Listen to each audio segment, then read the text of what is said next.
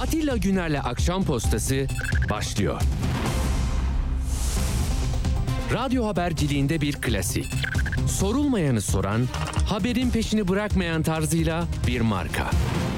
Atilla Güner'le Akşam Postası, gündeme damga vuran konu ve konuklarla hafta içi her akşam 17'de Radyo Sputnik'te. Akşam postasından hepinize iyi akşamlar efendim. 22 Mayıs Salı akşamı haberlerle karşınızdayız.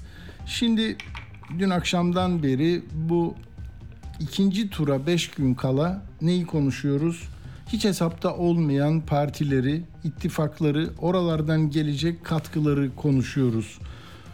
Ama bunları ayrıntılarıyla anlatırız. Saat saat önemli değişiklikler oldu. Ama gün içindeki gelişmeleri bilmeyenler için en kısa özeti şu. Zaten Sinan Bey'in kampını e, tayin ettiğini biliyorsunuz. Oraya katıldı. Daha önce hani kendisine e, yakın olmayanları bir şekilde ikna kabiliyetiyle alıp yanı başına koyan Erdoğan nasıl yeniden Refah Partisi liderini açıklama yapmıştı. Hayır dedi. Bir gün sonra oraya aldı. Soylu'yu aldı. Anlatacağım hepsini. Sinan o anda aldı. Şimdi onlar Ata ittifakıydı. Her ittifakın da bir ömrü var. Bittiler. Tamam Adalet Partisi ben Kılıçdaroğlu'nu destekliyorum dedi. Orada irice olan e, değil mi? Özdağ'ın partisi. Zafer Partisi. O da nereden doğdu? Hani geçmişten gelen bir miras üzerine inşa edilen bir siyasal parti değil. Homurdanıyorsunuz, öksürüyorsunuz, itiraz ediyorsunuz. Kimileriniz en uç noktada, en sağda nefret ediyor.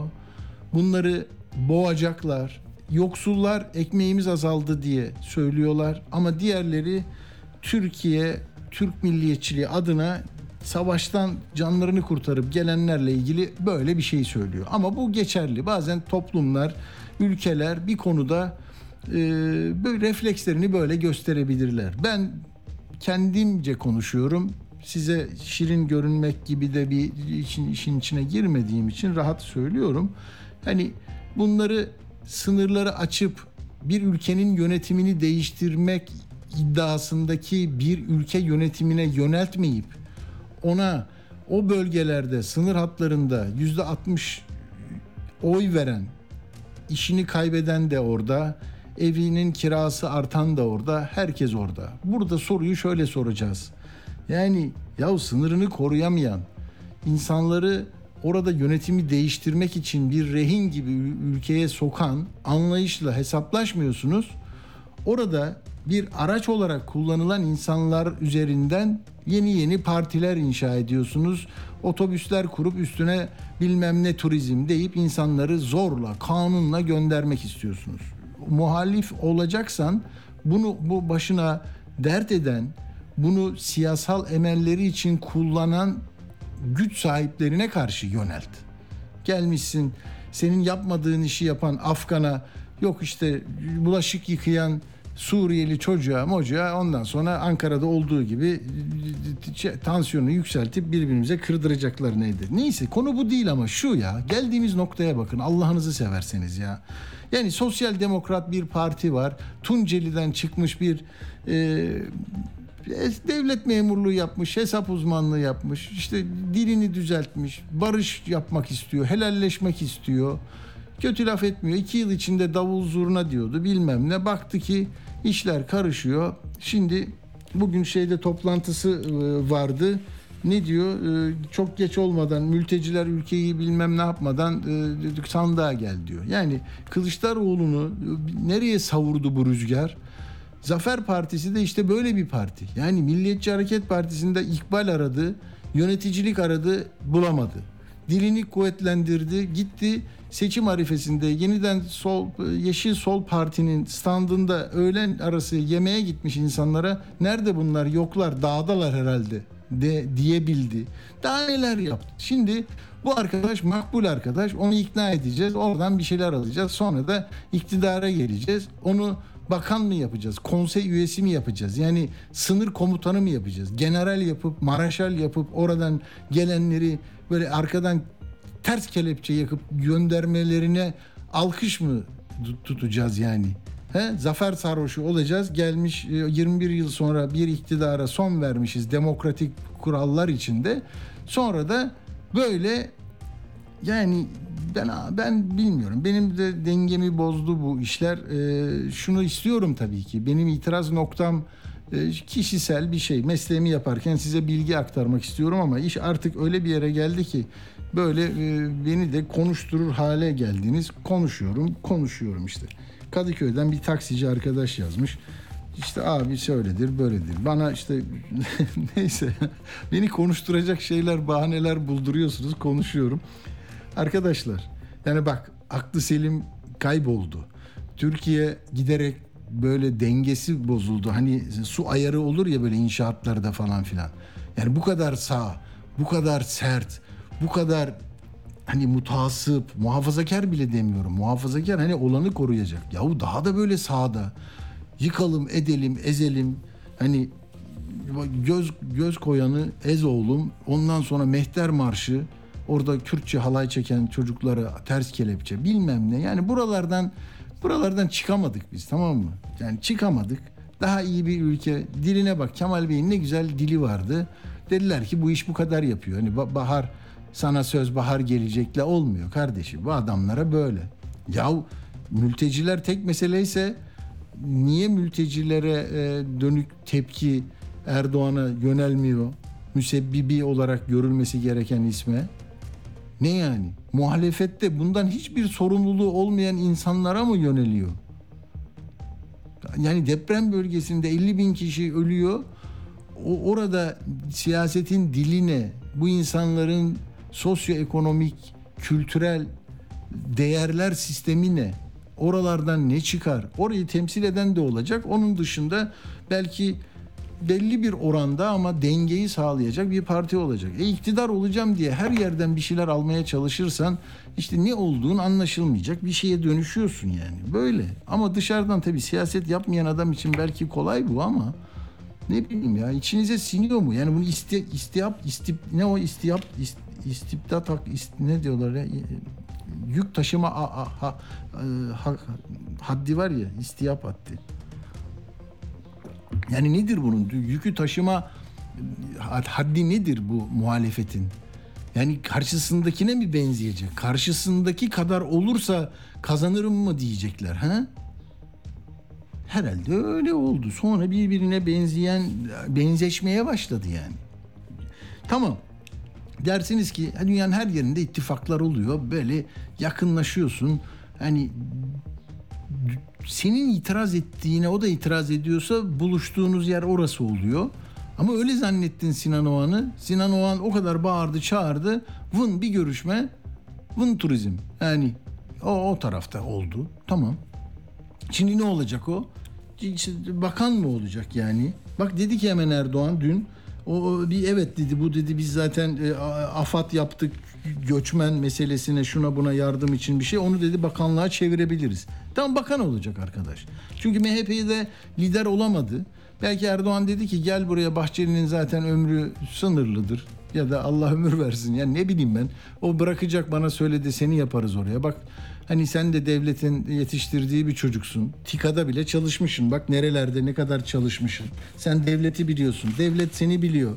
Gel zaten Devlet Bey de burada. Hepimiz devletiz. Parti marti yok. Gel hep beraber oturalım güzel güzel yapalım. Bak 92 ile 2000 yılları arasında Türk İşbirliği Kalkınma Ajansı Azerbaycan temsilcisi yapmış 8 yıl ya. Yani akademik işler yapmış falan filan. Tamam Türk Sam'ı kurmuş. Yani TRT Türkiye'nin sesi falan. Böyle hani bazen neyse yani bu işte devlet devlet partisi varsa devlet partisinin yetiştirdiği bir evlat diyenler de var. Yani çevremden duyduğum için söylüyorum. E, MHP'nin Devlet Bahçeli'nin de temsil ettiği o değil mi? Yani çözüm süreci olacaktı. Dağda kimse kalmayacaktı diye yola çıkıldı. Ne dedi o? Bırak dağdakiler kalsın dedi. Çok sinirlendi, çok öfkelendi. Ee, Erdoğan da baktı ki ya ben o dağdan indirmekle e, elde edeceğimi onlar dağda kaldığında Devlet Bahçeli ile beraber olursam daha güzel işler yapacağım. İşte oldu süreyi uzatıyor. Yani FETÖ'yle beraber buraya gelirim. Liberallerle şuraya kadar gelirim. Onları sonra yok sayarım. Hasan Cemal benim uçağımda Hasan abidir. Sonra giderler Ali Bayramoğulları falan. Ne gelir yerine? FETÖ gelir. Nedir o zaman? Hayır canım ne? Hizmet hareketi gelir. Ağlarız. Olimpiyatlar yaparız. Sonra onları yollarız. Orada Kürtleri önemseriz. Kürdistan dedi orada 2-3 defa. Oradan baktı ki Bahçeli çok kızıyor. Devlet adına mı kızıyor? Oradan bir ittifak. Ve ondan sonra ne oldu? Bir yere geldi. Hadi Hüdapar da gelsin. Ya Hizbullah'ın devamı siyasal şiddeti sona erdirmiş ama onlar da bizim çocuklar. Ha sen Has Parti sen bana karşı mı geliyordun? Gel seni de buraya alayım. E tamam ala ala Süleyman Soylu başka partideydi onu da aldı. Yani ala ala büyüyor adam yani şey yapıyor. E, bu boy yani koşuyu maratonu etap etap koşuyor tamam mı? Yani her 400 metreyi koşuşunda bir şey alıyor. E, doping alıyor, ilaç alıyor, ne alıyorsa işte ilke ilkelerinden taviz verip yeni bir e, şey alıyor. E, menzil alıyor kendini yani havada yakıt ikmali yapılıyor ya onun gibi yani. Erdoğan 21 yıl nasıl uçtu ya? Kim yani uçağa giderken ona kim devamlı gelip ikmal görevi yaptı? İşte böyle oluyor. Böyle olunca da böyle oluyor. Tamam. Şimdi e, Erdoğan'ın dün tabii şimdi bunları ben girdim mi nereden gireceğimi zaten ne yazarım ne çizerim ben kendi kendime konuşuyorum. Tamam mı? Dinliyorlarsa dinliyorlar. tamam mı? Şimdi hayır ya dünkü olay nedir arkadaşlar ya? Şöyle diyeceğim önce. Siz mesela bir apartman yöneticiliğine aday oldunuz ya da siteniz var tamam mı? Hani kalabalık. Belki de seviyorsunuz böyle yönetmeyi falan filan. O bölge havuz var, park var, bilmem ne var. Kafeterya da var içinde. Hani falan neyse aday olacaksınız. Ama rakibiniz sizin bahçedeki gülleri toplayıp e, kesip kesip dışarıya kaçırdığınızı söylüyor. Hani ya da iki üç hırsızla anlaştığınızı, siteden bir şeyleri çaldığınızı bir videoda bütün şeye yolluyor. Grup varmış e, sitenin. Grubundan yolluyor bu videoyu. Ya video sahte. Video montaj. Yani siz ne yapacaksınız şimdi? Sizi orada hakkıyla başkan olmak istediğiniz yerde size böyle bir şey dedi. Ya da adaysınız yani aday, kim kazanır kazanmaz ama sizi sizi diskalifiye etmek için böyle yaptı birileri. Ya aynı durum değil mi arkadaşlar? Bir siyasi partinin lideri altı partiyle birleşmiş adayım demiş. Türkiye'nin devlet memuru adam. Hayatında bir şey yapmamış peki kendi yani bazılarına göre Tuncelili ve Alevi olması dışında tartışmaya konu olacak bir şey yok. Onu da SSK, MSK diyorlar. SSK Nesi Genel Müdür de dedi ki o dönemki siyasileri sorgulamayıp onu e, haber yapıp bir bürokratı döven e, Savaşay bunu e, iyi araştırsaydı böyle olmazdı rahmetli dedi. Neyse. Sonucunda montajmış kardeşim. Bunu ben kaç defa söyledim. Dedim ki bu terör örgütü PKK'nın 15 Ağustos'taki kuruluş yıl dönümünü tebrik için dağda o, o teröristlerin bir araya gelip Türkiye dışındaki, diasporadaki her yerdeki Kürtlere bir mesaj vermesi ya da örgüt sempatizanlarına. Onu sen oradan al. Bunun önüne Kemal Bey'in haydisini koy. Arkadan da onun sesini ona devam ettir. Buradan da bak burası önemli de yani seçimde 3-5 puan kaybetmesine neden olmuş olabilir diyor bazıları. Olur. Ya bunu da kim yaptı kim yaptı dedim. Ee, şeyde e, Uğur bana yollamış. Meğer e, bu, bu bandı da ilk yayınlayan şeymiş. E, neymiş? MHP'nin bir e, sosyal medya uzmanı. Türk Gün gazetesinde de falan filan çalışan birisiymiş. Yani düşünebiliyor musunuz? Oradan hazırlanıyor, oradan getiriliyor. Sonra bilmem ne yapılıyor. Bakın beraber çektiler diyor. Erdoğan dedi ya. Hani yeni açanlar falan belki Türkiye dışından bizi dinleyenlere söyleyelim. Erdoğan video çekimi yapıldı diye, diyor ya. Video çekimi. Yani Kandil'e mi gitti? Kemal Bey Kandil'e gitti ya da Kandil'e özel bir jetle geldiler. Hani Ankara'daki bir stüdyoda çektiler gibi anlatıyor. Ve sonunda Abdülkadir Selvi bir özel haber yaratacağım diye, ya özel haber bulacağım diye Erdoğan iki defa video dedi. Ben baştan sona izledim. Ya bunlar video da çekiyorlar diyor devam ediyor. Bir daha 15 dakika sonra video çekiyorlar dedi. Şimdi bu da acar gazeteci ya. Ya Erdoğan'ın hani yeni bir video çıkacak herhalde bunu hemen bir yakalayayım ben bakayım dedi. Efendim dedi ben dedi tam anlayamadım ne diyor videonuz falan filan. Erdoğan başladı işte montaj ama montaj ama şu ama bu dedi. Zaten o anladı ki bir hata yaptım. Anladım efendim. Anladım efendim. Çok fena hata yaptım ben. Dedi Erdoğan'ın gözleri büyüdü ama o montaj olduğu konusunda kendisinde bir bilgi olduğunu anlamış olduk. Peki adil ve eşit bir yarışla sağlanan bir e, sonuç mu yani bu geçen seferki? Şimdiki ne olacak bilmiyorum. Peki hadi Erdoğan'ın e, montaj dediği o küçücük e, sesi verelim. Dün akşam TRT. dağdakilerle video çekimleri yapan Kılıçdaroğlu değil mi? Kılıçdaroğlu'nun terör örgütleriyle ortaklığı artık alenileşmiştir. Onlarla beraber yol haritasını belirlemişlerdir. Hatta hatta video çekimleri de yapmışlardır. Konuşmanızda iki defa bunlarla video çekmişlerdir dediniz. Ben onu tam anlayamadım. Yani kim neyle video çekmiş? Kılıçdaroğlu Kandil'dekilerle video çekimleri var. Bunları yayınladılar. Haydi haydi haydi türü.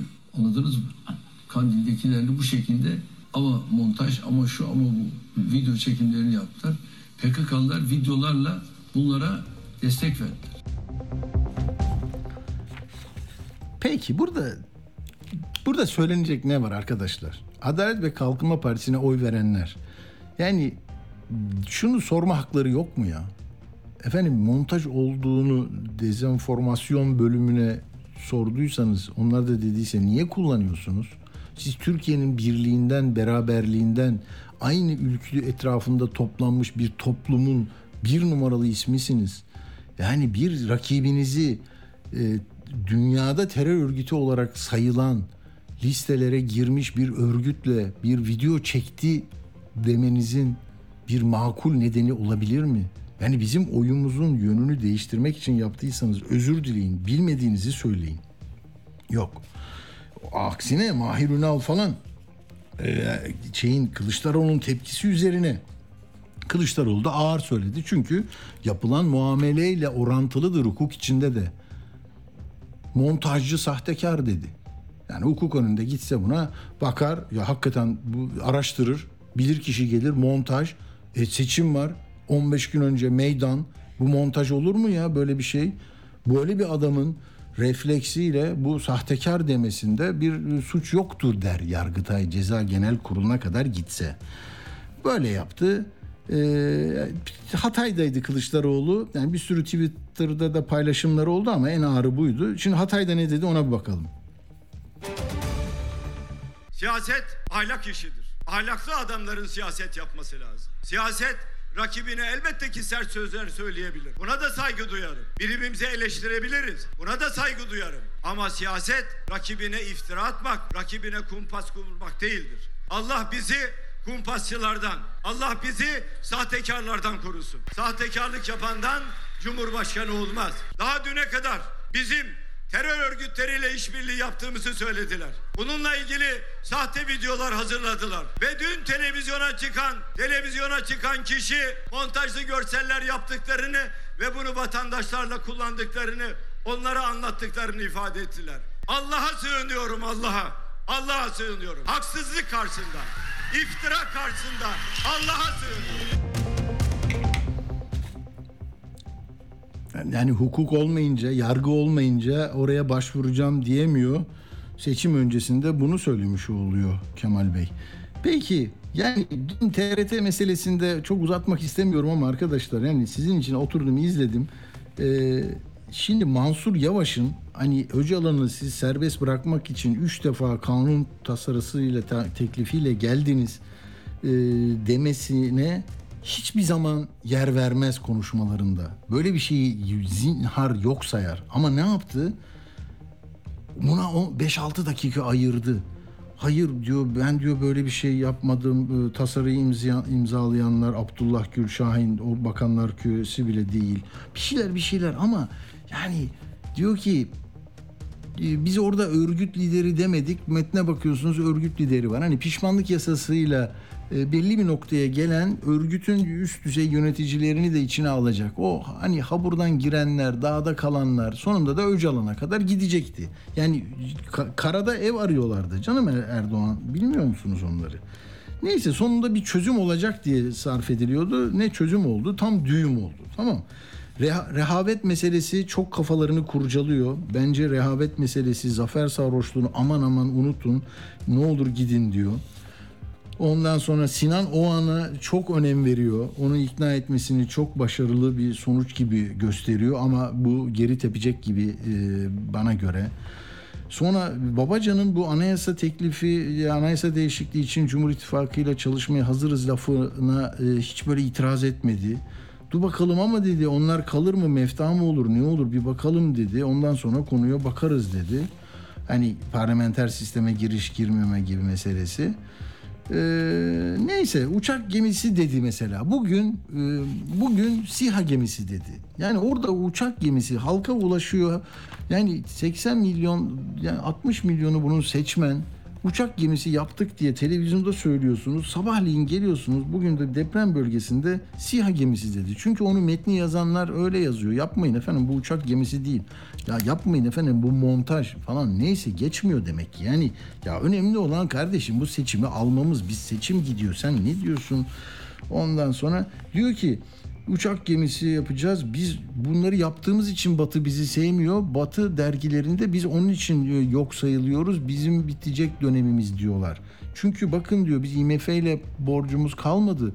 E, e, bu uçak gemisini yapıyoruz. Savunmayı biz yapıyoruz artık. Onun için kızıyorlar diyor. Bir cümle sonra da şöyle diyor. E, Almanya'yla, İspanyollarla, İngilizlerle bu TGC Anadolu yaptığımız gibi daha büyüklerini de yapacağız. Yani İspanyollara yaptırıldı çünkü o. İngilizlerle, Almanlarla diyor. Yani bunlar olmadan olmayacağını biliyor insanlar. TOG'un motorundan bilmem nesine kadar. Neyse ama budur. Yani seçime giren böyle yapıyor bu işleri. Ee, Siz de şey yapıyorsunuz, muhakeme edeceksiniz yani. Bir de orada şunu söyledi. Mültecilerle ilgili bakın 12 Mayıs'ta gençlik e, toplantısında, buluşmasında Erdoğan demişti ki %99'u Müslüman olan bir ülkede savaş sebebiyle buraya gelmiş bir Suriye halkı var. Bu mültecileri Türkiye'de yaşatmam gibi bir anlayışa taraftar değilim. Zulüm olur. Bu kişiler göçmen diye biz bu insanları tekme tokat kovalayalım mı? Bu insani değil, vicdani değil, İslami değil dedi. Kapıya koyamayız dedi. Yaramazlık yapan varsa emniyet gider dedi. Emniyet alır götürür dedi. Bunu eskisini böyle okudum. Yenisini bak ne diyor? Bir milyonunu göndereceğiz diyor. Yani yarış şu arkadaşlar. Kim daha fazla turizm şirketi e, otobüslerini koyarsa ve sizin gözünüzün önünden Suriyeliler o tarafa gidiyor gibi olursa Türkiye kurtulacak. Enflasyonunuz düzelecek. Milli geliriniz artacak sizin dünyada en şerefli ülkeler listesinde öne çıkacaksınız. Siz artık geldiniz bu mesele üzerine kilitlendiniz. Kimse gelip rezervler ekside Türkiye adil olmayan ülkelerde burada gri listede, demokraside, insan haklarında, ifade hürriyetinde nerede bunları düzeltelim demiyor. Buradaki insanları otobüse sığdırdığınızda polis eşliğinde yolladığınızda hepiniz rahat edeceksiniz. Başınız e, göğe erecek. Tamam hadi ver bakalım. 1 milyon da Erdoğan çıkarttı 1 milyona. Hadi bakalım buyurun. Bu mülteciler, sığınmacılar konusu vesaire. Suriye'nin kuzeyindeki biriket evlerden başlamak üzere şu ana kadar 450 bin mülteci zaten tekrar yurtlarına döndüler. Fakat e, şu andaki hedefte 1 milyon mültecinin daha yapılacak yeni konutlarla oralara döneceğine yönelik planımız var. Evet bu kadar. Ee, şimdi bir de de- dedim ya döndük dolaştık Ee, yani yeni katılacaklara bakıyoruz. Herkes kendi sağından bir adam bulmaya çalışıyor. Dediğim gibi bak burada notları var. Has Parti lideriydi e, 2008'de. Erdoğan için Harun geldi. E, Harun gibi gelip Karunlaştılar, firavunlaştılar demişti. 2012'de partisini feshetti, katıldı. Süleyman Soylu, Erdoğan için 2008-2009'da Menderes'te kendini kıyaslıyorsun, kandırıyorsun. Menderes kim, sen kim? Boyan döküldü Erdoğan dedi. 2012'de katıldı. Tuğrul Türkeş'i MHP'den kopardı. Devlet Bahçeli 2015'te ağza alınmayacak laflar ediyordu. Onu da aldı kendi yanına. Metin Feyzioğlu demokrasi, hukuk, insan hakları, hürriyet derken Danıştay kuruluş yıl dönümünde sus, edepsiz dedi. Yasayı değiştirdi, yönetmeliği değiştirdi, sesini kesti Barolar Birliği'nin. Sonra Metin Bey e, hidayete erdi. Şimdi Kıbrıs'ta. Mehmet Ali Çelebi CHP'den milletvekiliydi. Kom, kumpaslarda sıkıntı çekti. O da şimdi milletvekili. Fatih Erbakan falan medyada da var. Her yerde var bunlardan.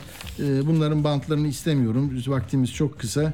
Şimdi e, Ümit Özdağ'ın e, e, sesi var bir tane. Yani bugün çünkü dedi ki 11'de açıklayacağım ben durumu. Kemal Bey'e götürmüş bir yani şey bir, bir- ne Milli Güvenlik Konseyi'nden çıkarmış kendi e, partisinden e, şeyi nedir? Bunları yaparsanız ben size geleceğim. Ne neyle geleceğim? Oyum nedir benim? Oyum şudur. İşte sana bu kadar destek veririm vesaire diye. E, bir saniye nedir? Ee, Zafer Partisi 1 milyon 215 bin oyu var yani 2.23. E şimdi 25 bin parti üyesi var. Şimdi kıymetli kardeşim 1 milyon 215 bin on. Ama değerlerde, ilkelerde her şey kıymetli. Ne yapayım ben? Diyor ki anayasanın ilk dört maddesini e, çok sıkı e, koruyacağız. Ya neyi koruyacağız? Türk devleti cumhuriyettir. İki, demokratik, layık, sosyal hukuk devletidir. Zaten hangisi geçerli bunun? Zaten bu, sen bunun neyini tutacaksın? Bu değişmiş zaten. Madde 3 Türkiye devleti bölünmez bütündür. Dili Türkçedir. Bayrağı ne dili Türkçedir? Adam oy verdi. Dili yok Türkçe değil. Bayrağı şekli kanunda belirti al bayrak. Tamam Allah'a şükür ona bir şey yok. Milli Marşı, İstiklal Marşı, başkenti Ankara. E bütün şey İstanbul'a taşındı zaten. Değiştirilemeyecek hükümlermiş bunlar. Sonra 66. maddeyi diyor e, ele alacağız. Burada da Türk devletine vatandaşlık bağı ile bağlı olan herkes Türktür. E, hiçbir Türk vatana bağlılıkla bağdaşmayan bir eylemde bulunmadıkça vatandaşlıktan çıkarılmaz. Bir de bunu konuşacağız diyor. Tamam konuşsun. Şimdi bu akşam yine Kemal Bey ile müzakereler yapacak. Yani döndük kardeşim. Altılı Masa'nın ilk kuruluş anları falan vardı ya böyle geliyorlardı, gidiyorlardı, 2500 madde yazıyorlardı. Onlar millete demek ki bir şey anlatmadı. Şimdi oyunu göster bana. Tamam mı? Gel bana. Gel o zaman ben eskiden e, iki yıl içinde davul zurnayla gönderirim diyordum. Şimdi ne diyorum? Ee, ne yazıyordu arkadaşlar? Kemal Bey'in arkasında bugünkü şeyde ne yazıyordu? Benim notum kayboldu da Hatay'da konuşurken arkasındaki platformda ne yazıyordu? Neyse Ümit Özdağ verelim onu bulacağım size.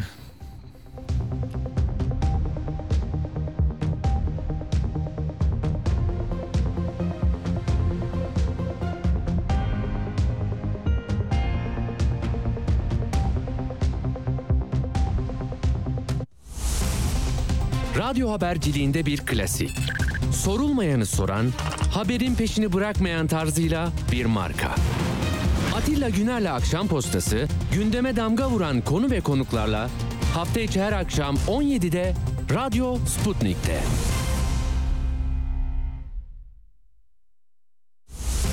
Tarım ve gıda krizi en önemli gündem maddemiz.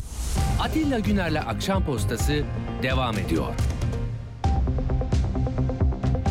Evet ben tabii Kemal Bey'in notlarını buldum. Şöyle e, yani arka tarafta e, şunu yazıyor.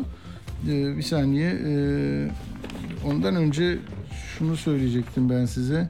Ha göçmenler ülkeyi ele geçirmeden karar ver. Vatanın e, vatanını seven sandığa gelsin. Bak göçmenler ülkeyi ele geçirmeden karar ver. Yani Erdoğan ne diyordu? Mandacılar geçirmeden e, karar ver. Şimdi de göçmenler ülkeyi ele geçirmek üzere faaliyetteler diye düşünüyor e, artık şey muhalefet cephesi. Oraya yöneliyor. Çünkü rüzgar onları oraya gönderdi. Milliyetçilik dediler.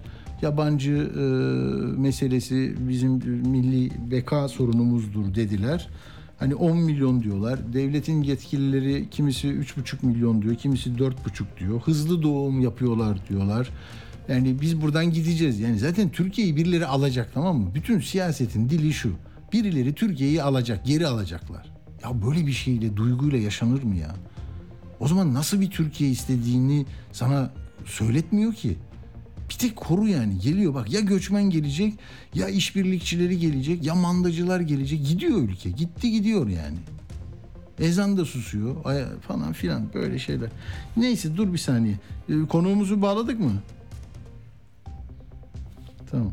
Şimdi e, Kemal Bey konuşmadan önce e, Hatay'da oradaki tablo da enteresan. Yani ben kardeşim ben bir kampın adamı olmadım hayatım boyunca. E, ilkeler üzerinden, kendi hissiyatım üzerinden bana verilen bu mikrofonun önünde namusumla işimi yapıyorum. Şimdi orada da yahu bir sosyal demokrat parti için ağır geldi bana ya. Tamam mı? Şimdi Reyhanlı birisi çıktı. Ee, dedi ki esnaf e, hep Suriyeli oldu. Ee, işte bunlar böyle yapıyor, şunlar böyle yapıyor. Muhtar dedi ki böyle. Emine Hanım dedi ki de, vatandaş o dört kızım var dışarı çıkamıyorlar. Çünkü Suriyeliler nargile içiyor dedi. Bu, bu bak şehir efsanesi gibi bu çok söyleniyor. Bilmiyorum. Emre Deniz diye bir genç çıktı. Ee, işsizim dedi çünkü Suriyeliler yüzünden dedi. Bir esnaf çıktı falan böyle. Hani nasıl bir Türkiye istiyoruz? Depremde niye öldük? Bizi kim öldürdü? Ne oldu bu imar hafları kaç taneydi?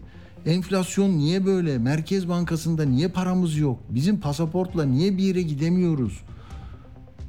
Biz neden barış içinde sınır ticaretini yapamıyoruz? Suriye'de neyi devirmek istedik? Biz ne yapıyoruz? Bu arkadaşlar eskiden gelirken buraya bavulla ticaret yapıp gidiyorlardı. Şimdi bizi düşman ettiler. Kim yaptı? Bunları konuşmuyoruz kardeşim. Böyle. Böyle bir şey. Yani buradan ne, nasıl çıkacak bilmiyorum ki. Ne çıkar bilmiyorum. Yani e, sıfır tolerans diyor mesela Özdağ diyor ki sıfır tolerans olacak diyor. Protokolü de vereceğiz diyor.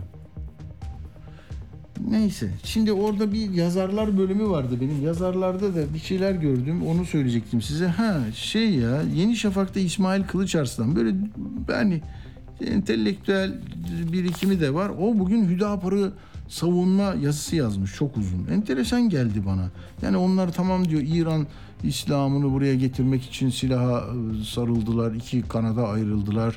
Sonra mücadele ettiler ama işte silahla şi- şiddetle olmayacağını anladılar. Bu arada diyor e, PKK'yı bölgede bitirmek isteyen devlet içindeki güçler Hizbullah kılığında e, katliamlar yaptılar diyor. Yani hangisini Hizbullah yaptı, hangisini devlet adına paramiliter güçler yaptı karıştı orası diyor. Şimdi bunlar düzgün adamlar diyor. Yani görüyor musun? İktidar e, devamını istemek nelere e, mal oluyor. Neyse şimdi herkes korkuyor rehavet meselesinde çok ciddi. Bak Erkan Tan yazmış tamamen firesiz santağa gitmek şar- şart. E, aynı inanç ve hassasiyetle gitmeliyiz. Rehaveti de yenelim Türkiye kazansın. Resul Tosun, Salih Tuna. Rehavete kapılırsanız kazanamazsınız. Okan Müderrisoğlu yüksek bilinçle sandıklara yığılmalı. Selvi aman dikkat. Burhanettin Duran. Ee, evet yani tek şey sandığa sahip çıkalım aman gidelim öndeyiz 2 milyon iki buçuk milyon öndeyiz demekle olmuyor bu deyip vallahi alarm çaldırmışlar. Muhalif cephede de buna dönük e, bazı laflar var ama bu kadar kuvvetli değil. E, yani olur ha bir aksilik olur yani bir kaza olur diyorlardı ya. Herhalde uyku uyuyamıyorlar. Yani e, ciddi mesele ciddi ve ne olacağını göreceğiz. Ben bir şey söylemiyorum ama Sevilay Yılman hattımızda e, gazeteci arkadaşımız Habertürk'teydi. Oradan ayrıldı. Şimdi kendi mecrasında e, kendi düşünceleriyle gazeteciliğini devam ettiriyor. Sevilay merhaba hoş geldin. Merhaba Atilla'cığım, iyi yayınlar. Iyi Teşekkür yayınlar. ederim. Nasıl görüyorsun? Sen yeni haberleri seversin, kulisleri seversin. Ne oluyor? Mesela şu Sinan Oğan meselesi, Zafer Partisi, Özdağ e, bunlar olumlu e, yani muhalefetin kazanmasına katkı sunan mı bir şeyler mi oluyor? Aleyhine mi oluyor? Ne ne diyorsun? Şimdi Sinan Ogan meselesini ben aslında hani daha önce hiç bu konuda bir şey yapmadım paylaşım ama Sinan. Bey'in zaten Cumhur İttifakı'na destek vereceğini tahmin ediyordum. Çünkü gelen kulisler zaten hani e, hani kapalı kapılar ardında o yönde görüşmeler olduğunu Ee, ve Sinan Bey'in zaten hani sosyal medyada da çokça yazıldı, yazıldı çizildi Aliyev'le e, Azerbaycan Devlet Başkanı Aliyev'le dostluğu filan oradan gelen bir bağlantıyla ben zaten e, yani Sinan Bey'in en başında hatta bunu dostlarıma söyledim Evet. ama fitne yapıyor Sevilay demesinler diye bazı şeyleri paylaşmadım. Yani Sinan Bey'in Cumhur İttifakı'na destek vereceğini biliyordum ama yani bu desteğinin ben e, yani Cum- yani Sinan Bey'in bu desteğinin e, arkasına böyle bütün ona oy veren seçmenlerin takılacağını da düşünmüyorum. E, zaten Ben de bugün çok özür dilerim Sevilay ben de bugün Anadolu'da ki Sinan Oğan için 100 bin imzanın e, liderliğini yapan bazı insanlarla e, görüştüm. E, çok şiddetle itiraz ettiler. Kimileri böyle kamu gücüne yakın yerlerde duruyorlar. Yani Kemal Bey'e gidecek oylarımız dediler ve çok öfkeliler. E, Mesela orası öyle. Başka bir şey söyleyeyim. Almanya'da benim bir arkadaşımın eşi var. Kendisi muhafazakar. E, dindar bir insan. Ben onu çok böyle e, ikna etmeye çalışmıştım falan hani Kemal Bey'e oy ver diye. E, vermedi. Yani ben çok yani dedi ben hani yemin de etmem Tamam. gerçekten şey bir insan. Ben dedi Kemal Bey'e oy vermem. Ben işte dedi e, şudur budur kendi gerekçelerini e, Tamam. saydı. Sonra Şimdi ne diyor? Sinan Ogan'a vermişti. Bak şimdi çok enteresan. Ee, dün Sinan Ogan açıklama yapana kadar bekledi biliyor musun? Sinan Ogan evet açıklama yapana kadar bekledi. Sinan Ogan açıklama yaptıktan sonra arabasına atlamış koştura koştura konsolosluğa gitmiş. Kılıçdaroğlu'na verdi. Sonra beni aradı dedi ki şimdi sen haklı çıktın dedi. Yani e, şeyi kabul etmiyor insanlar. Yani Sinan Ogan'ın hani Türkçülük, milliyetçilik, ülkücülük temelinde siyaset güttüğünü daha önce AK Parti ile Sayın Cumhurbaşkanı ile ilgili vesaire söyledikleri, Cumhur İttifakı ile ilgili söyledikleri e, ve bunu peşinen hani yani şunu yapsaydı mesela Atilla hani e, ben tarafsız kalıyorum deseydi başka bir rüzgar olabilirdi. Çok açık söylüyorum. Ama Sinan Bey bence e, siyaseten kendisini başka bir yere oturttu ama e, Evet, tamam, o zaman şey- 28 Mayıs'ta bakarız. Peki Özdağ, Üm- Ümit Özdağ meselesi gerçekten hayati mi? Yani kat, katkısı olur mu onun? Ee, Ona ne Yani- diyorsun? Yani şu anda görüşmeler devam ediyor. Tabii ki yani bilmiyorum hani kesin net olmamakla beraber e, yani şey siyasette 24 saat diyorduk eskiden artık 2 saat bile çok uzun. Yani e, şunu düşünüyorum ben açıkçası. E, Ümit Bey'in de hani tam olarak e, ne yapacağını bilmek mümkün değil ama yine söylüyorum gerek Zafer Partisi olsun gerek Sinan Ogan'a oy verenler olsun. Çünkü Zafer Partisi'nin biliyorsun iki buçuk civarında bir oyu var. Sinan Bey'in beş buçuk civarında bir oyu var. Evet. İki e, yani hem partiye hem Sinan Ogan'a veren seçmen e, çok politik bir seçmen.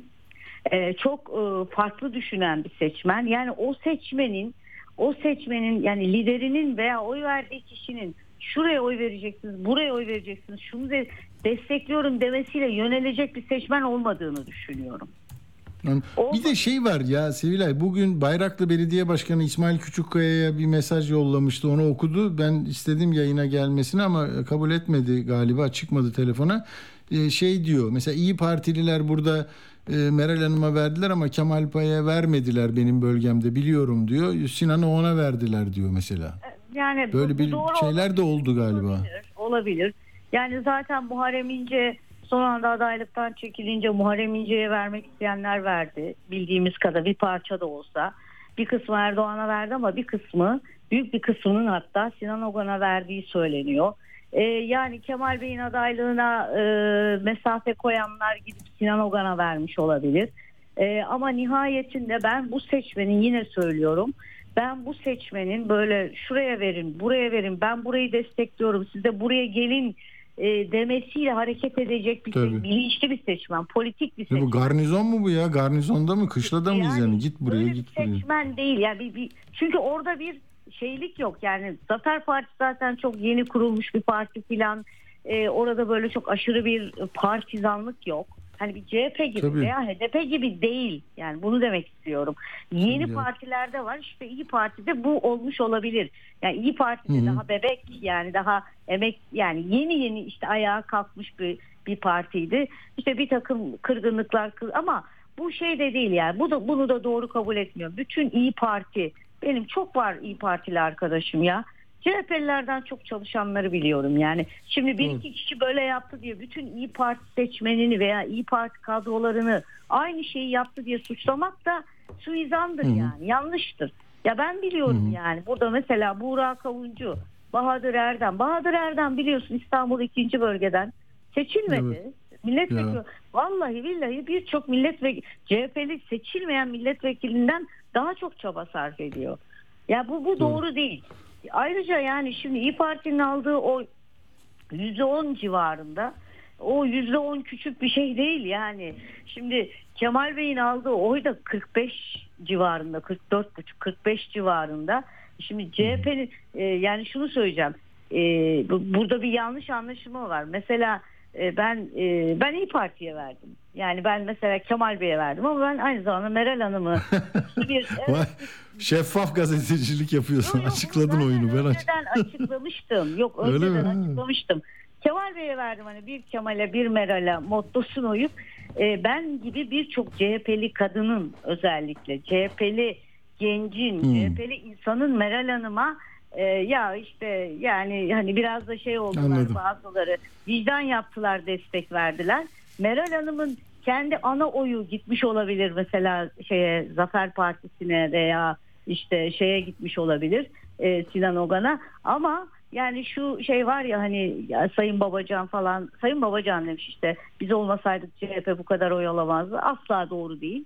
CHP 25,5 gibi görünüyor olsa da CHP'nin bir e, bölüm oyunun İyi Parti'ye gittiğine eminim. Bir bölüm oyunun tipe gittiğine eminim. Bunu söylemek zorundayım. E, yani CHP nereden baksanız yani bence tarihi bir oy almıştır bana göre. E, ben tam tersini düşünüyorum. Yani devam. Ama oyunu vermedin. Tabii milletvekilliğinde bir, bir oy eksik kaldı işte. Bak Sevilay. ben, ben ama şöyle ben kadınsal Yok yok ya bunu yok bunu bak. Hayır, ben, ben şöyle kadınsal şey ben bir de Hanım'a anladım. fikir, fikirsel olarak aynı noktada olmayabilir ama ben kusura bakmasın kimse yani bunu Kemal Bey'in kendisine de söyledim.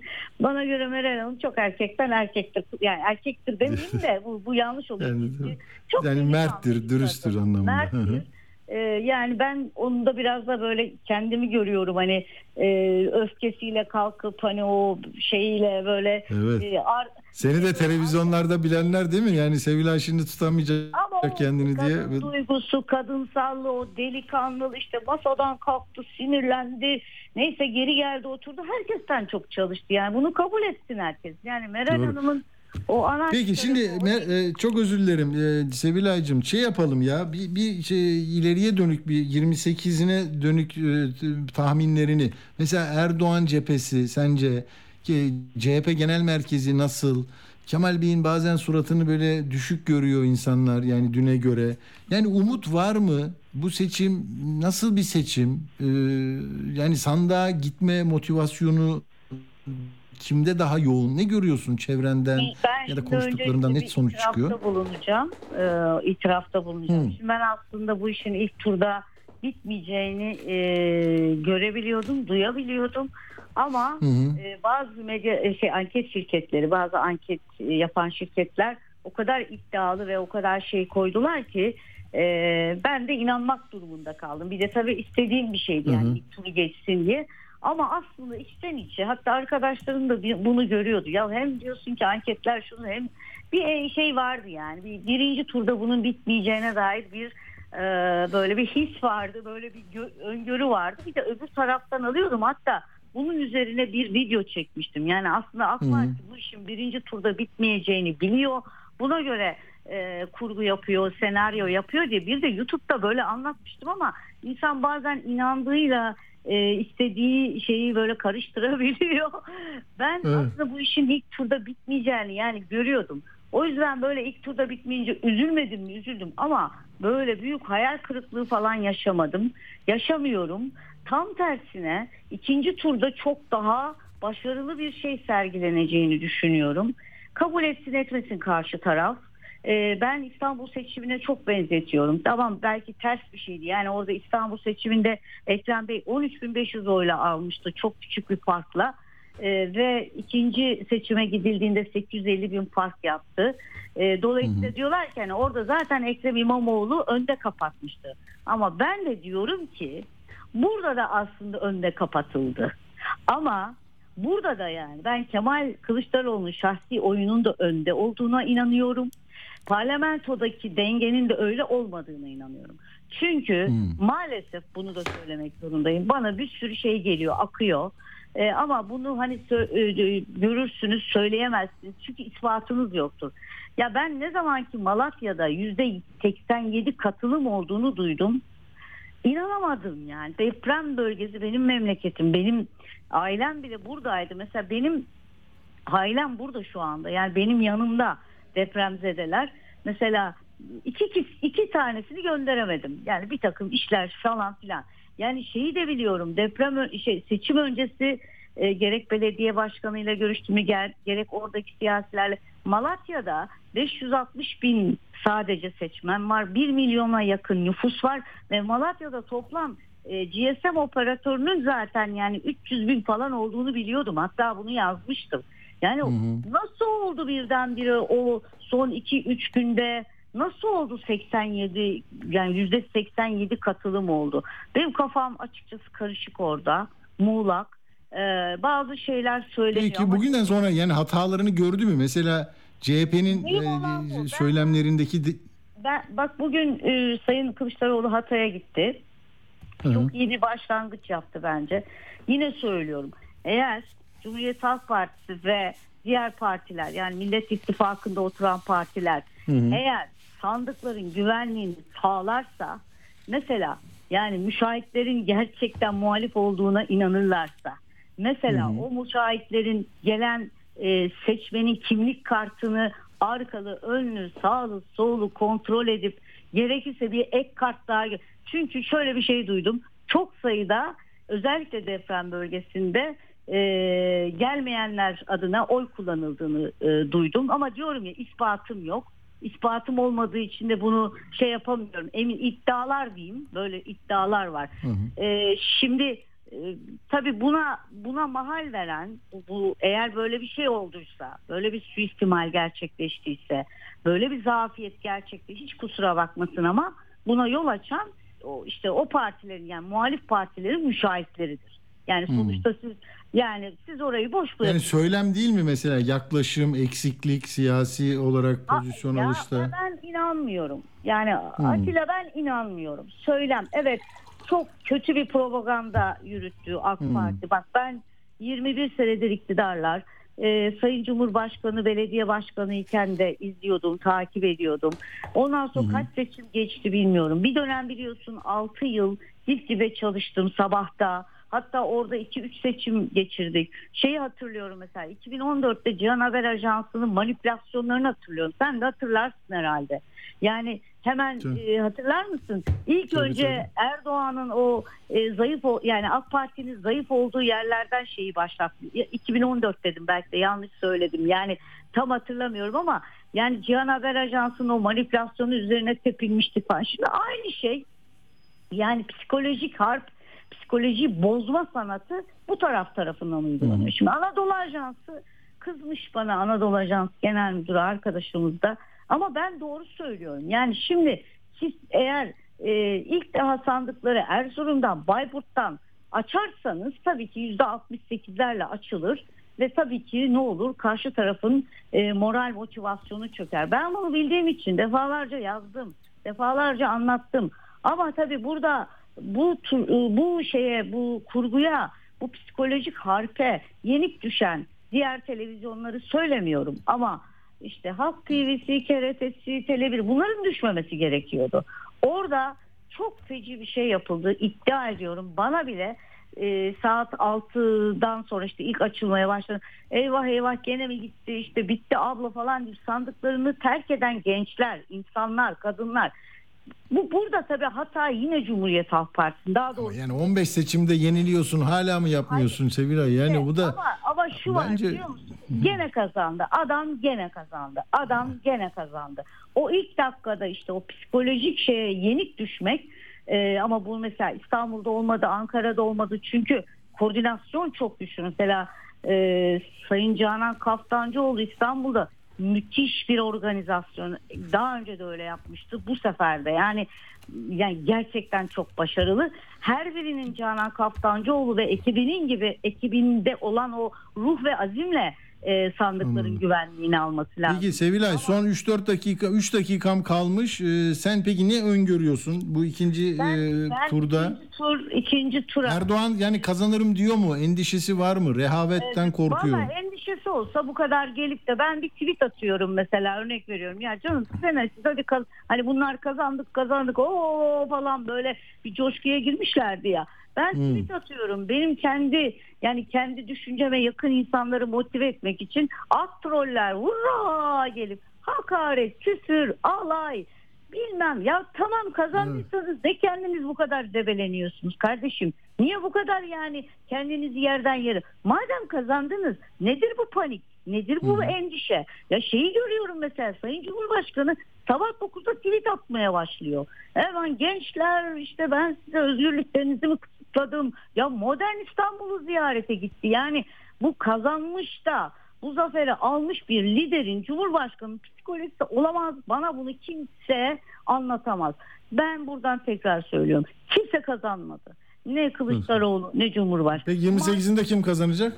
Bak maç 0-0 başlıyor Atilla'cığım. Hayır bir dakika izin verirsen bunu. Maç 0-0 başlıyor. Herkes herkes e, şeyini kuşanacak tamam mı? İnancını, imanını, e, özgüvenini kus- kuşanacak ve sandığa gidecek. Muhalif seçmen e, çok çabuk demoralize oluyor. Çok çabuk yıkılıyor. Bu yanlış. Karşı tarafın bir kere bu endişesini, bu şeyini görmeleri gerekiyor. Biraz önce sen söyledin işte yazanları. Aman gidelim. Ya tamam kazandıysanız niye bu kadar paniksiniz? Bakın yine söylüyorum. Muhalif seçmen Kılıçdaroğlu'na oy verecek veya bu değişimi isteyen seçmen derhal ayağa kalkmalı ve sandığa gitmemiş bütün etrafındaki insanları sandığa taşımalı ve gidilirse yapılırsa ben inanıyorum ben inanıyorum 28 Mayıs Kılıçdaroğlu'nun zaferiyle sonuçlanır. Buna inanarak söylüyorum ama. Ama dediğim gibi bu küskünlük bu yılgınlık falan bunlar yanlış. Ya karşı taraf o kadar panik o kadar e, endişeli ki bakın Avrupa'da bile hala otobüslerle kendi seçmenlerini taşımak için uğraşıyorlar. Bana bunun haberleri geliyor. Ya siz yılmayın, siz bırakmayın. Yani sonuçta e, iki tarafta e, yine bir ikinci maça çıkacak. E, zor bir maç olacak. Ama ben şu kolaylığı görüyorum, onu da ekleyeyim. Bir kere 1 milyon küsür biliyorsun ilk seçimde geçersiz oy vardı. Bir kere bu seçimde öyle bir şey olmayacak. Sıfır, zero. Yani sonuçta iki tane kafa gelecek. iki tane iki tane adam var karşınızda. Ya ona ya ona. Yani dolayısıyla asla ve asla geçersiz oyun hani çok çok çok e, ultra bir şey. Geçersiz oy olmayacak. O bir küsür milyon kim geçersiz kullandıysa o oylar geri gelecek. 8 milyon insan sandığa gitmemiş. Bu insanların büyük kısmının özellikle ben e, gençler olduğunu biliyorum.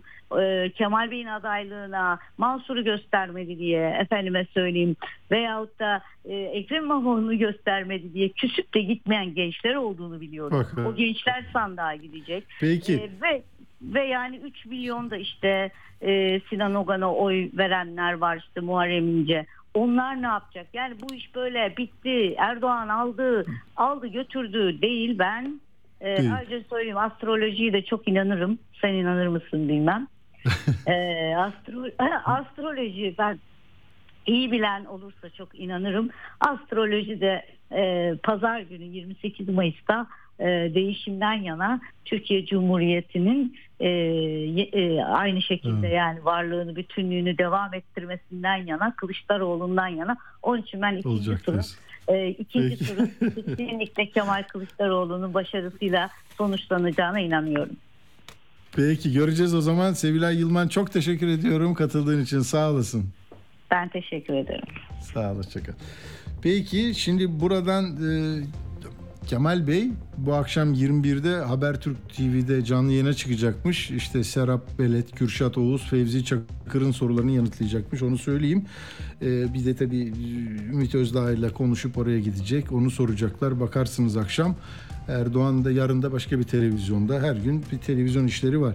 Ee, şimdi Babala TV çok önemli hale geldi galiba. Herkes onu konuşuyor. O da yarın e, 21'de yayınlanacak Kemal Bey'in o 7 saat süren çekiminden kaç e, dakikalık bir şey olacak bilmiyorum. Ama soruları e, İsmail Saymaz'ın bugünkü yazısında da ayrıntıları var. Bakmak isteyen bakabilir. E, Uğur bana e, bazı sorulardan e, bir kesit sundu teaserından. Onu verelim. Arkasından da hemen Uğur gelsin.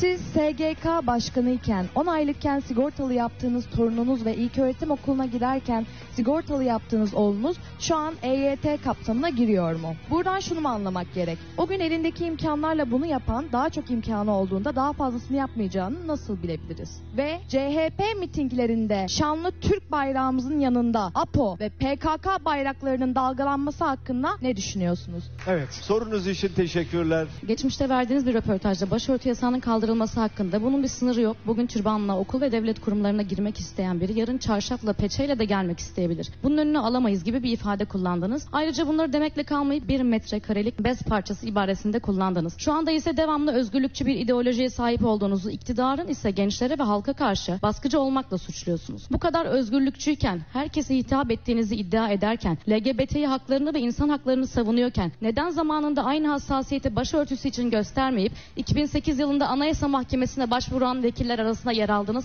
Teşekkür ediyorum. Helalleşme ne demektir? Benim kusurum var. Kabahat bana ait ve dolayısıyla ben bunu kabul ediyorum. Gelin helalleşelim. İşin özünde yatan odur. Üzerine çok stres var. Bunu hissediyorum. Sakin ol.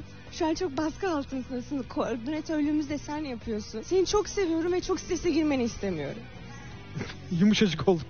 İlk önce 28 Şubat dönemiyle başlamak istiyorum. Okuma hakkı, ideolojisine göre yaşama hakkını alınmış birçok öğrenci oldu, birçok kadın oldu, birçok erkek oldu. Hemen Uğur Koçbaş'a gidelim. Bir 6 dakikada e, konuşalım. Sonra yolcu gelecek. Uğur. Dünyada anlatılmayanları anlatıyoruz. Geçelim buradan hemen Yunanistan'a. Gidelim şimdi Mısır'a. Program editörümüz Uğur Koçbaş hep ayrıntıların peşinde. Dünyadan zaten Uğur'un şeyi copyright bölümü. Neden yapıyoruz? Çünkü 12 Eylül bizim AB maceramızın da aslında yıl dönümü. 34 tane fasıl hala bekliyor. Bunu zaten İngiliz basını da manşetlerine taşıyarak Morris'e büyük bir yargı darbesi yerleşti. Dünyada anlatılmayanları anlatıyoruz. Atilla Güner'le Akşam Postası devam ediyor.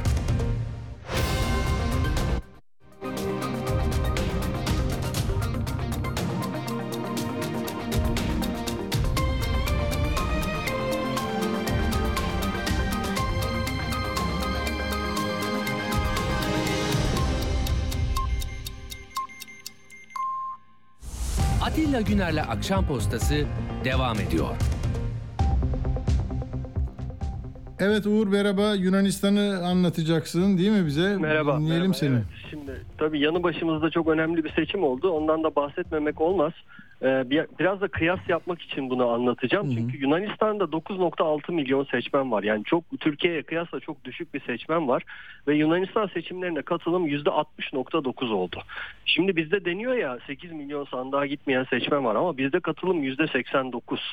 Yani e, Avrupa'da genelde seçimlerde zaten katılım böyle 50-60 düzeylerinde oluyor. O geri kalan %10'luk kesimi Türkiye'de sandığa götürmek o kadar kolay bir iş Ya. değil. Çünkü bu işin matematiği bu zaten. Yani Türkiye'de 1987'deki %94'lük katılım dışında e, böyle %90'ların üzerine çıkan bir katılım yok ve gerçekten çok önemli bir motivasyon lazım o insanları sandığa götürebilmek Tabii. için. Yunanistan'da mesela bu yaşanmamış yüzde e, bir önceki seçime göre yani 59'dan 60'a çıkmış çok büyük pardon 57'den 60'a çıkmış çok büyük bir e, şey olmamış yani burada rakamsal vermek gerekirse 9.6 milyon seçmenden 2 milyon 900 bin kişi sandığa gitmemiş yani ülkesinin kaderi konusunda herhangi bir söz sahibi olmamış. Ee, ve e, burada da yani Türkiye'dekine çok benzer bir süreç yaşandı. Anket şirketleri dediler ki bu iktidar çok oy kaybediyor. Zaten bu tren kazası oldu. Mitsotakis çok yara alacak bu seçimde dediler. Anketlerde e, Mitsotakis'in partisiyle Çipros'un partisini e, yani neredeyse başa baş gösteren bile anketler vardı. Ama Mitsotakis 5-6 puan önde gözüküyordu. 20 puan önde çıktı. Yani anket şirketleri Yunanistan'da öyle bir yanıldılar ki yani Türkiye'dekine benzer benzer bir Bütün dünyada aynı şey oluyor demek artık. Anket Evet, şey- evet. şeyini değiştirmek lazım. Belki de öyle çünkü Yöntemi. anket şirketleri gerçekten halkın nabzını okuyamıyorlar anladığımız kadarıyla. Yani son birkaç seçimde Avrupa'da bu çok yaşanan bir şey oldu. Yunanistan'da ve Türkiye'de bu artık son halkası oldu. Mitsotakis ne yaptı? %40.8 oy aldı. Çok çok ciddi bir e, oy aldı. E, önceki seçimde %39 almıştı ama ikinci turda almıştı. Bunu Yunanistan seçim sistemi de çok farklı bir sistem. E, onu da değiştirdiler aslında. İlk turda eğer e, 300 milletvekilinin 150 artı birini alamazsa bir parti e, o zaman e, işte ben koalisyona gitmek istemiyorum tek başıma iktidar olacağım deyip e, Cumhurbaşkanı'nın hükümet kurma yetkisini reddedebiliyor ve onun sonucunda e, ikinci tura gidiyor seçimler ve Temmuz'da yeni bir tur yapacaklar. Çünkü ikinci turda e, bedavadan 50 sandalye hediye ediliyordu e, ilk e, çıkan partiye. Şimdi onu değiştirdiler.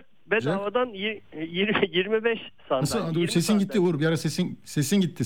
Sesin gitti anlaşılmadı orası. Yani ikinci turda aynı partiler mi yarışıyor? Aynı partiler yarışıyor Tamam. ama bir, birinci gelen partiye 50 sandalye hediye ediyordu Yunan seçim Ha. sistemi. Sonra dediler ki ya bu 50 sandalye çok oluyor dengeleri değiştiriyor o yüzden biz bunu 20'ye indirelim dediler.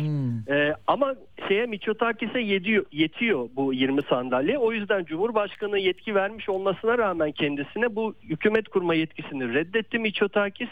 Sonra Çipras'a verdi. Çipras da ben bu sonuçlarla hükümet kuramıyorum dedi. Çünkü diğer koalisyon parti, diğer partilerle koalisyon e, oluşturup bir hükümet kurma olasılığı da ortada yoktu.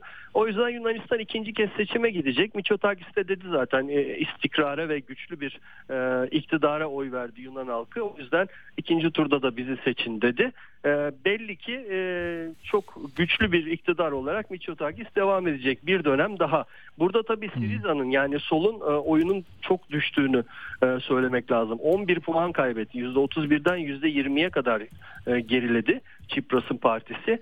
E, Çipras'ın başbakanlık yaptığı dönemde Maliye Bakanı vardı Varoufakis. Çok tartışılan bir isimdi. IMF ile anlaşmaya karşı çıkıyordu. Çok önemli açıklamalar yapıyordu. Çok sert açıklamalar yapıyordu. Sonra e, kendi sertliğinde bulmamıştı Siriza'yı ve kendi partisini kurmuştu. O da baraj altı kaldı. Meclise giremedi ve dedi ki Yunanistan'da Mitsotakis'in Erdoğanlaşma süreci başladı dedi. Bu da enteresan bir açıklama. Diyor ki yani Mitsotakis Erdoğan gibi e, böyle tek başına tek adam bir rejim kurma yolunda ilerliyor. Bunu durdurmak lazım.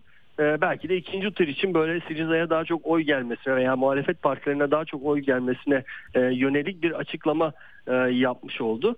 E, Mitsotakis ama kendinden emin ve e, seçimi kazanacakmış gibi duruyor ikinci turda da. Bakalım neler olacak. Peki Uğur çok teşekkür ediyoruz. İyi Ben akşamlar sana. ediyorum. Görüşmek üzere. Zamandan kazanalım. Hemen e, yolcuya gidiyoruz. Atilla Güner'le Akşam Postası devam ediyor. Evet. Sevgili yolcu merhaba. Atilla merhaba.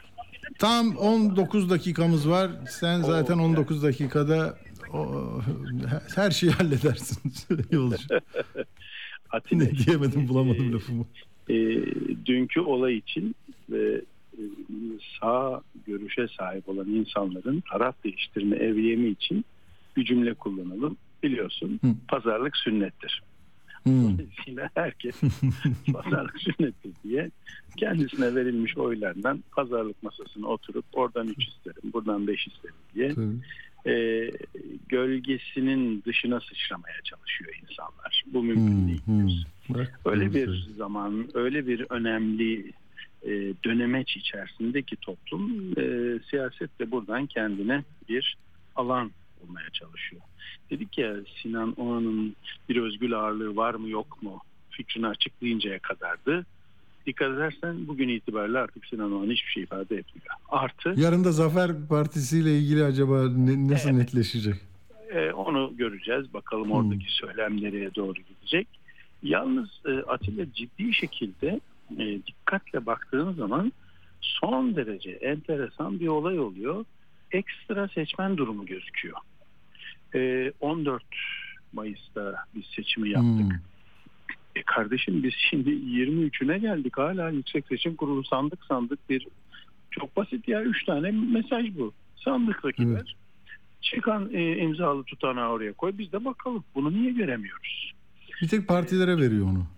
İşte ama ben vatandaş olarak artık Tabii. belki de bunun hesabını sormamız lazım. Çünkü Fatih Altaylı ile yapılan Medyaskop röportajına baktım. O röportajda Fatih Altaylı diyor ki 30 bin sandıkta Cumhuriyet Halk Partisi'nin sessizliğinde ona yoruyor. Biz çok kısa konuşmuştuk ama elde veri yok. Hı hı hı. Ve 30 bin sandıkta e, maalesef ıslak imza e, elinde yok Cumhuriyet Halk Partisi'nin. Fatih Altaylı'nın söylediği. E, şimdi eğer bu bir gerçek ise o zaman bizim en başta söylediğimiz bütün analizler doğru çıkıyor. Şimdi öyle bir atizi itizi birbirine karışmış durumda ki sen her seferinde yeni elde ettiğin veri üzerinden yorum yapıyorsun. Fakat sürekli yeni veriler geliyor. Şimdi Ya. çok spekülatif bir seçmen sayısı var. Ya arkadaş bu ülkenin artan nüfusuyla orantılı bir seçmen e, nüfusu artmıyor. Çok ilginç ve uzun bir yazı var. Eğer yetiştirebilirsem şimdi bir seyahate gideceğim.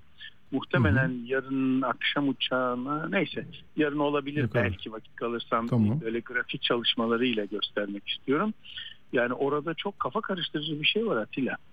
Yani hani neredeyse şunu söyleyeceğim. Burada bir büyük eğer kelimesi kullanalım. Çünkü elimizde bir gerçek yok. Ama eğer öyleyse yani 2010'dan yana bu tarafa kullanılan bütün seçimlerde aslında hani haberi herkes şaşırıyor ya ya kardeşim ben vermedim sen vermedin. Kim verdi bu oyu? Haberi halkın %50'si 50'si gözüküyor gibi bir durum var. Bu çok şaşırtıcı bir projeksiyona dönebilir. Yüksek Seçim Kurulu da çok net biçimde bir cevap üretmesi lazım. Henüz öyle bir cevap görmüş değiliz. Zaten Yüksek Seçim Kurulu hiç kimseyle muhatap olmayan bir kurul. Oysa yani bütün demokrasinin namusunu teslim ettiğimiz yer bizimle muhatap olmuyor. Ee, bu, bu başka bir yere doğru evrilebilir. Çünkü 30 bin sandık yaklaşık her bir sandık 380-400 kişi desen 10-12 milyon kişi demek. Pardon. Atilla'cığım 10-12 milyon insan içerisinde sen %20 oynama yapsan yaklaşık 2 küsür milyon, 2,5 milyonlara gelir. 2,5 milyon oy da bizim daha önceki hesabımıza 5 puan demek. Çok. Yani öyle sandıklar var ki çok şaşırdım ben bugün öğrenince bunu.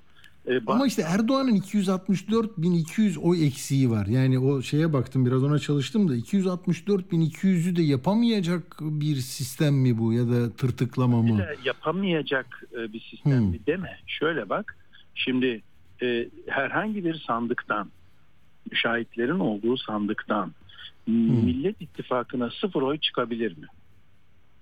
Çıkar ha. Çıkar vallahi. Bir dakika müşahitler var ya. Müşahitler de orada. Hayır hayır yani oy vermez. Seçmen oy vermeyebilir diyorum. Ha, Ama müşahitler orada. Onlar da orada oy kullanıyor. Müşahitlerin de oy Ha ha ama hepsi oradan mı kullanıyor bilmiyorum. Tabii bu bir. iki Bazısı yok bak bazı, hayır orada da şunu söyleyeyim ben bir e, yakınım gitti bir yerde oy kullandı sonra görev yerine gitti. Onu söylemiyorum. Bazı müşahitler o sandıkta oy kullanıyorlar. Hmm, hmm. Peki bir sandıkta yüzde 95 oy kullanılabilir mi? Evet bu kafa kurcalayan bir şey. Hani küçük bir mezradaysan ve Dur dur oraya gitme. Yüzde yüz.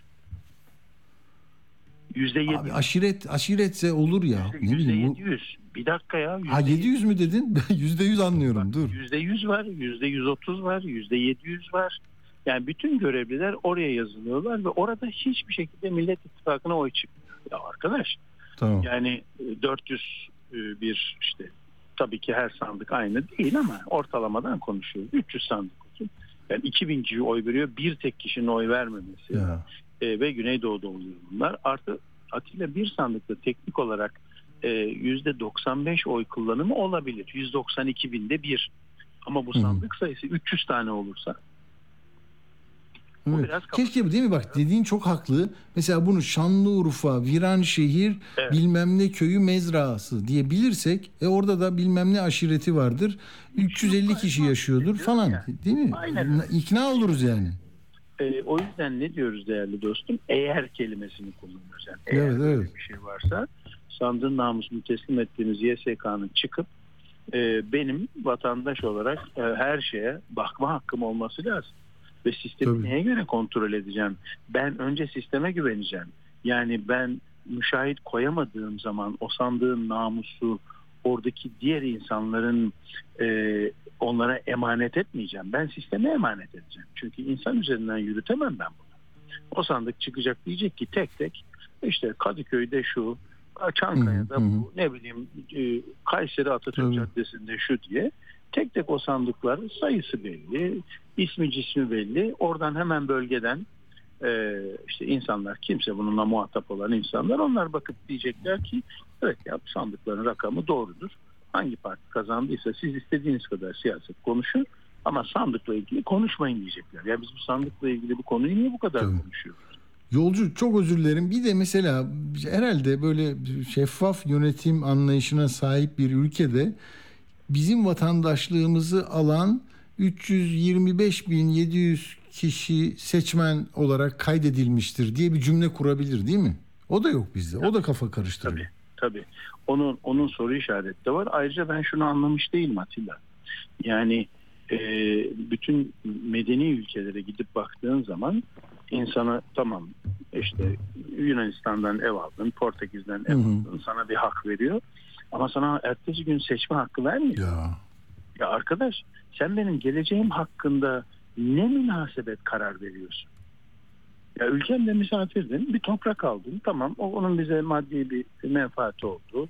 Çeşitlilik yarattık. Ya arkadaş hiç olmazsa 3 sene burada bir otur. Kurban olayım. Ya. Sen birdenbire nasıl oldu benim geleceğim hakkında karar veriyorsun? Ben bu kadar sene okudum. Bu kadar sene vergi verdim. Bu kadar sene askere gittim. Ne bileyim babam bu memleket uğruna çarpıştı. Kız kardeşim yaralandı. Öbürü işte ne bileyim ne yapıyorsa. Hani kimi hasta baktı, kimi inşaat yaptı fark etmez. E sen nereden geldin kardeşim benim geleceğim Ya. için karar veriyorsun? Ne münasebet sen karar Ve yarın da çekip gideceksin belki. Tekrar kaçacaksın. Gel gelmeyeceksin bile. Ben Millet İttifakı'ndan şöyle bir cümle bekliyorum. Ee, bir yabancı ülke vatandaşı gelip burada vatandaşlık alabilir. Ancak oy, seçmen hakkı, seçim hakkı ve seçmen olabilmesi için şartları değiştireceğiz. En az bir 5 Hmm. sene kalsın burada bir vergi bir şeyler söylemesi lazım. Yurt dışı için yine aynı. Yurt dışındaki e, ben hiç bununla da ilgilenmiyorum Atilla. Kimse kusura bakmasın. Kime oy hı. verirse versin. Türkiye'de doğmamış belki Tabii. yurt dışında yaşayan biri var. Peki o da olur. Ama Türkiye'ye sıklıkla geliyor. Türkiye ile iş yapıyor. Vergi veriyor. Tamam. E kardeşim öyle vatandaşlar var ki Türkiye ile hiç alakası yok. Tatilden tatile Evet. geliyor. Doğru düz Türkçe bile konuşamıyor. Ve ardından sadece oraya yapılan devlet manipülasyonu karşısında devlet hiçbir kanaldan e, herhangi bir şekilde muhalefete bir imkan vermezken devlet kendi manipülasyonunu yapıyor. Oradan aldığı oylarla da yani dünyanın başka ülkelerinde yaşayan da benim için karar vermesin. Kusura bakmasın. Yani eğer bu ülkenin vatandaşıysa Türkiye'nin geleceğine karar verecekse e, burada yaşamayan niye karar veriyor? Ben gidip yönetim kurulunda olmadığım şirket için karar verebiliyor muyum? Tabii. Veremiyorum. Yani dolayısıyla bunun da tekrar cidden hani hangi yöntem olur? Ben tabii ki burada genel çok genel boyutlarıyla abartarak konuşuyorum ama buna bir hukuki zemin olması lazım.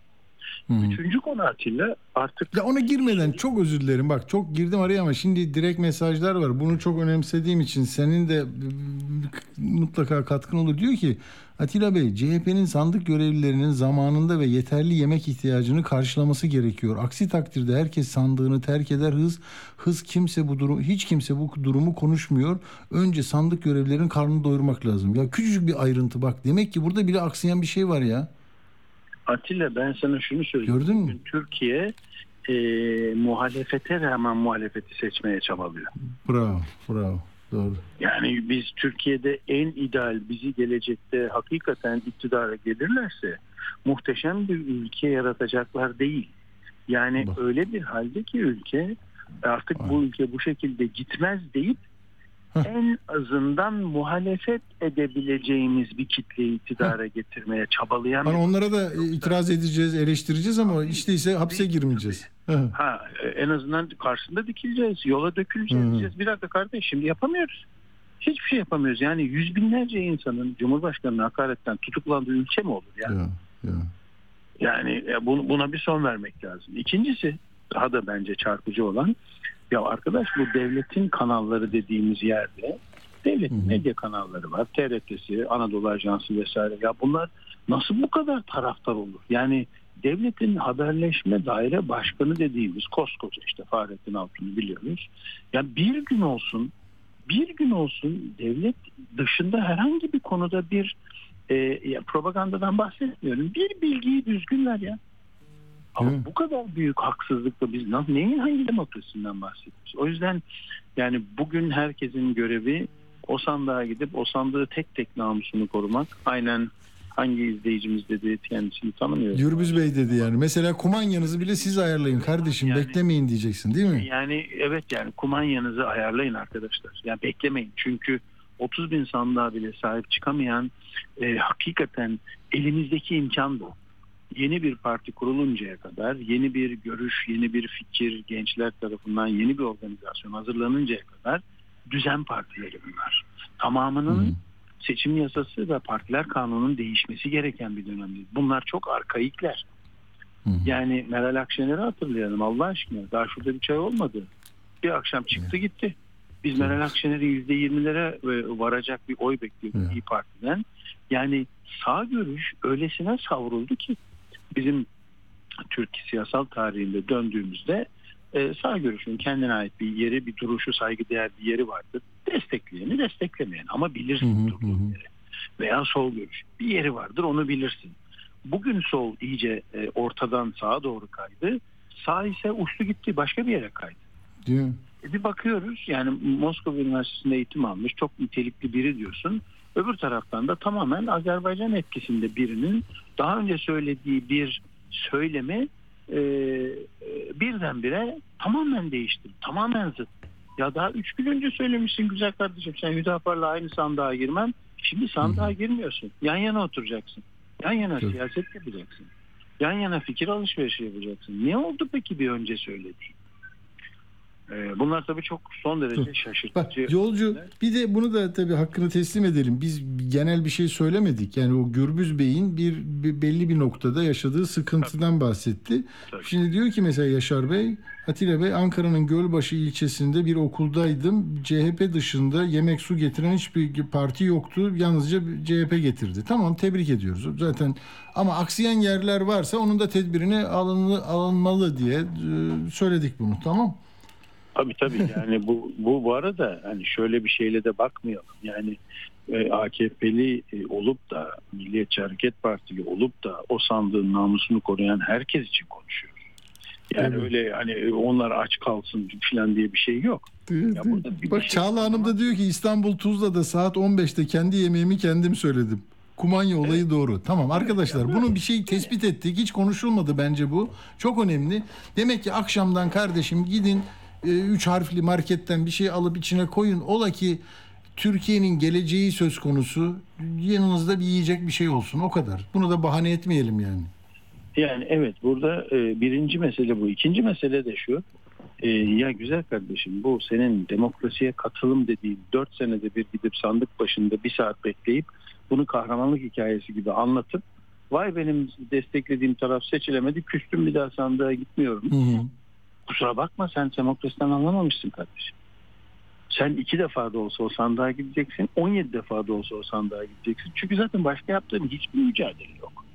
Sivil toplum örgütüne üye değilsin. Sokaklarda yürümüyorsun, yürütülmüyorsun.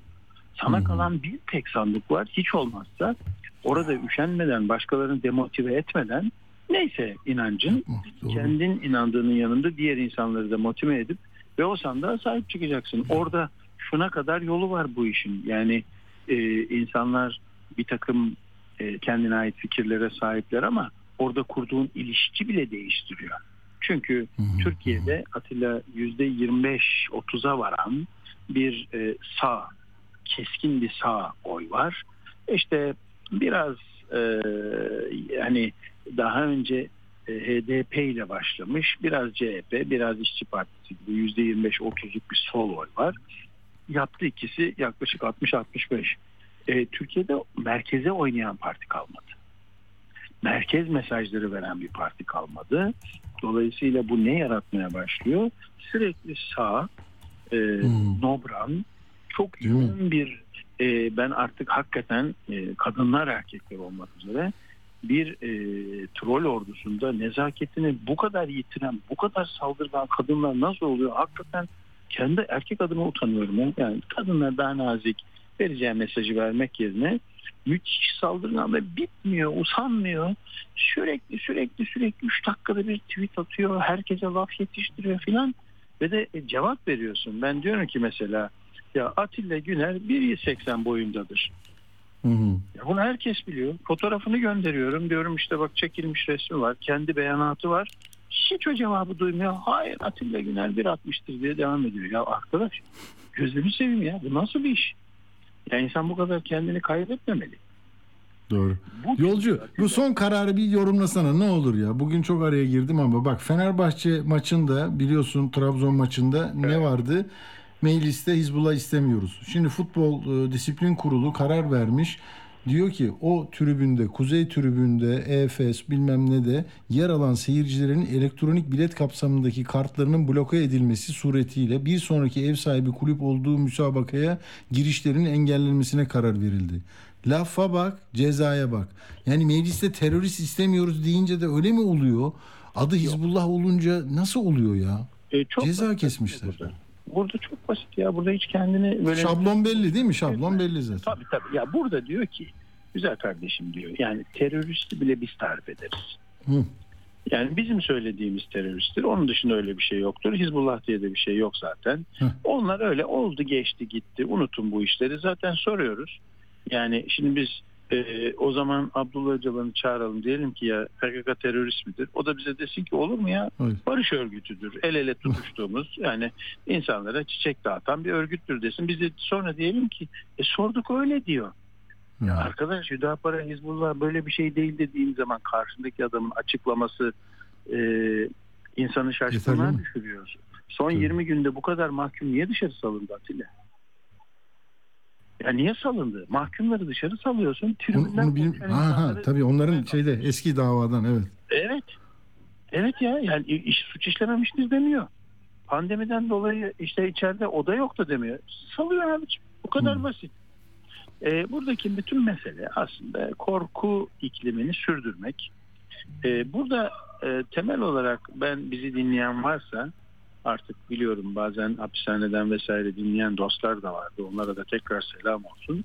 Atilla burada artık insanın ben e, ülkücü camianın ve sağ görüşlü gerçekten Türkiye'de böyle samimiyet, dürüst, ahlak sahibi olan e, insanların sütüne güveniyorum. Yani bu kadar gözlerini kör edip bu kadar da Hüdapar'la aynı yere girip yani ne Türkiye'yi ne Türklüğü ne toplumu her şeyi bu kadar açık açık reddeden biriyle sırf iktidar adına bir araya geliyorlarsa o zaman seçmenin ya arkadaş biz yani neyin peşinden gidiyoruz? diye bir sorması lazım. Bunu bunu da sormuyorsa, buna da gözünü kapatıyorsa, ha o zaman şunu anlayabiliriz ki o bizim zannettiğimiz duruşu olan temelde hepimizin ezbere bildiği e, bütün o ülkücülük, bütün o sağcı, e, memleket sever, vatansever, milliyetçi duruş kaybolmuş, erimiş gitmiş. Ya isimler kalmış böyle işte herkes bir yaftayla kendini bir yere ait gibi gösteriyor ama ortada başka şeyler dönüyor. Peki sevgili yolcu çok teşekkür ediyorum. Sağ ol. Hayırlı yolculuklar. Yarın da vakit olursa konuşacağız. Kısmet diyelim. Sağ olasın. İyi akşamlar katkın için. Evet bizde 26 geçiyor.